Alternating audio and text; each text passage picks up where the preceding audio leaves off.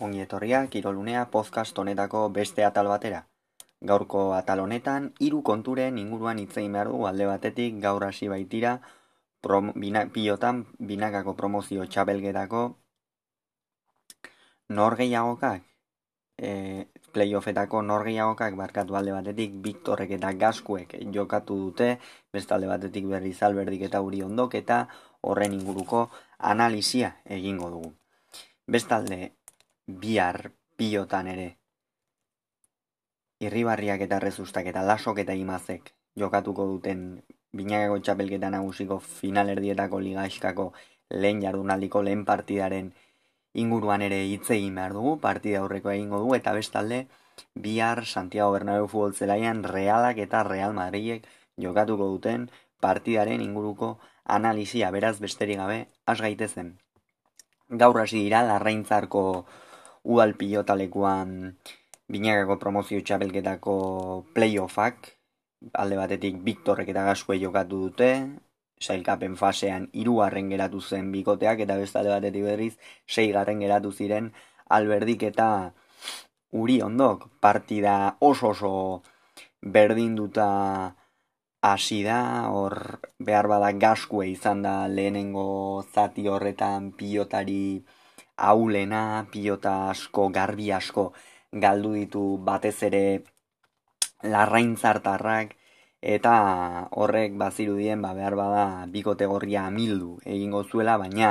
eutxi egin diote amabigarren tantura ere aurretik iritsi dira. Eta ondoren partida oso horra joan da, hasieratik amaierara arte eta hor gakoa fizikoki gehien norka aguantatuko zuen zegoen azken finean horrek zer esan nahi zuen, ba, azkenerako bikote batek iritsi hartzuela freskoago eta kasu honetan Viktor eta Gaskue iritsi dira, batez ere Viktorrek badakigu zer nolako jokoa erakusten duen zer nolako abiadura ematen dion pilotari. Eta hor amilduena gehien bat uri ondo izan da. Pilota garbi asko aldu ditu bigarren zati horretan batez ere alberdi zuzen ibili da egia da hor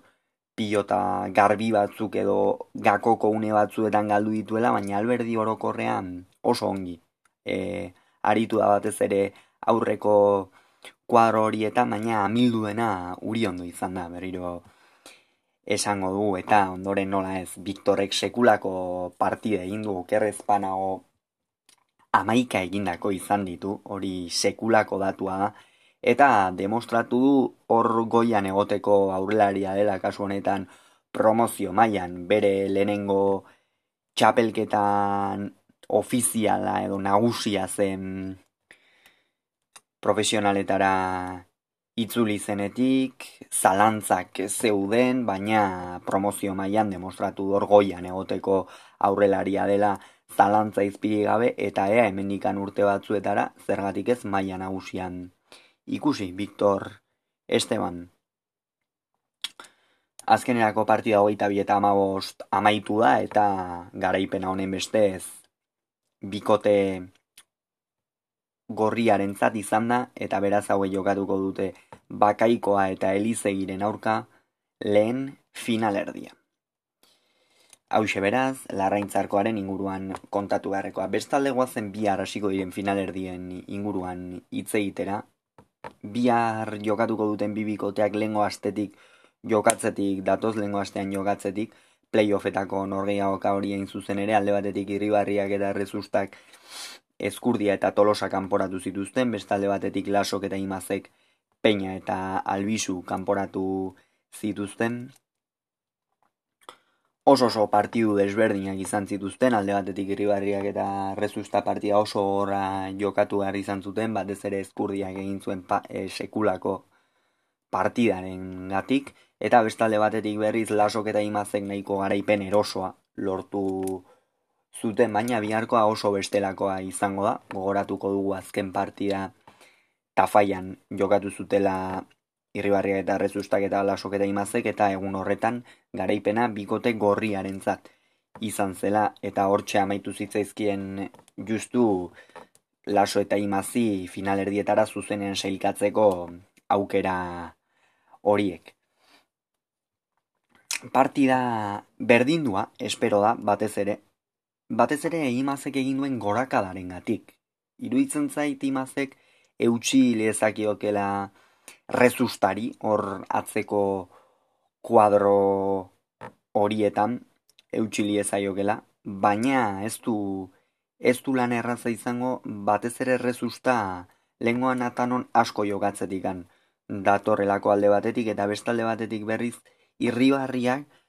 las hori aldik eta gutxien jokatuko diolako aurreko kuadro horietan. Honekin esan nahi dudana azkenean irribarriak kolpe handia du, aurrean abiadura handiarekin ibil dezake pilota, baina ez zaio komeni lasoren aurreko joko horretan sartzea. Laso ni uste ez dagoela zalantzarik une honetan baikon dagoen forma honenean dagoen aurrelaria dela sekulako txapelketa egin du aseratik bukaerara arte imaz on baten laguntzarekin, nola ez? Imazek sekulako goraka egin du azken biru urteetan, batez ere pilota eskutik biziago irteten zaio, ezker hori ere asko hobetu du, aire jokoa, eta eta horrek bikote sendoa osatzera eraman dute biharko bikote urdina. Alere hor gakoa zalantza izpirik gabe unailasok zenbateko implikazioa izaten duen jokoan. Hortxe egongo da. Aurrean pilota asko ez dizkio entregatuko bainat rezustak baina ikusiko dugu ikusiko dugu zer gertatzen den. Batez ere imazek demostratu duelako aurrelari jotzaien aurka ere jokatzeko moduan dagoela. Zalantza izpirik jabe beraz ikusiko dugu bihar arratsaleko bost erdietatik aurrera zer ematen digun iruñeko labriteko partidak. Bestalde barkatu lehenago ez esan izana, baina gaurkoan beste partida bat ere jokatu da, larrain zarren, kasu honetan Peñak eta aretxabaletak hogeita bi eta amasei irabazi diete peio etxeberria eta bikuñari.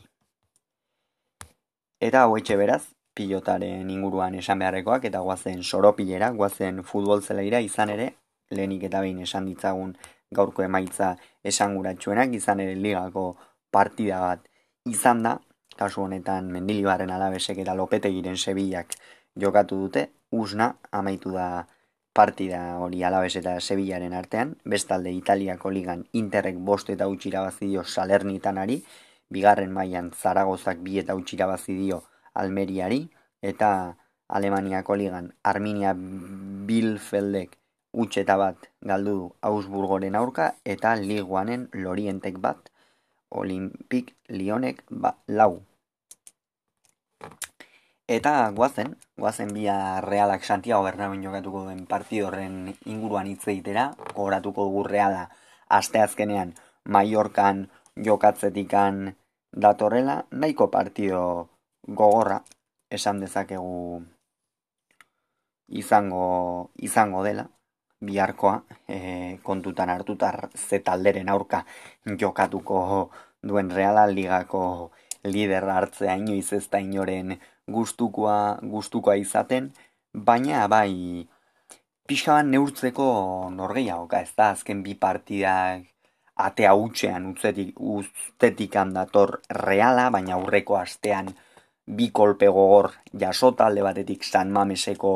porrot mingarri hori eta bestalde batetik Leipzigen aurkako Europa Ligeko kanporatze hori eta ikusiko gu bihar neurtzeko partida ona izan daiteke Santiago Bernabeun bak igu Real Madridek denboraldi osoan zeharreztu galdu Santiago Bernabeu, baina esan hori da beti, beti dago lehenengo aldi bat ez da, zergatik ez bihar izan. Beno, hor gakoak nahiko garbiak dira. Alde batetik Real Madridek ikusiko dugu zenbat mugitzen duen taldea. Carlo Ancelotik demostratu daurtengo denboraldian ez dela taldea asko mugitu zalea, nahiko oinarri sendo bat duela, hor amaikakoa ere buruz esan daiteke, kurtua tepean, militao eta alaba atzean learen erdialdean, karbajale eskuinetik, mendi ezkerretik, tarteka Nacho ere sartzen da hiru postu horietan, zelai erdi oso egonkorra, Casemiro, Modric eta Krosekin, tarteka ere hor kamabinga sartzen da, edo baita ere Fede Balberde, erasokorrago jogatzeko, eta aurrean Vinicius Benzema eta hor egoten da Asensio eta Rodrigoren artean, ez? Hor nahiko tirabira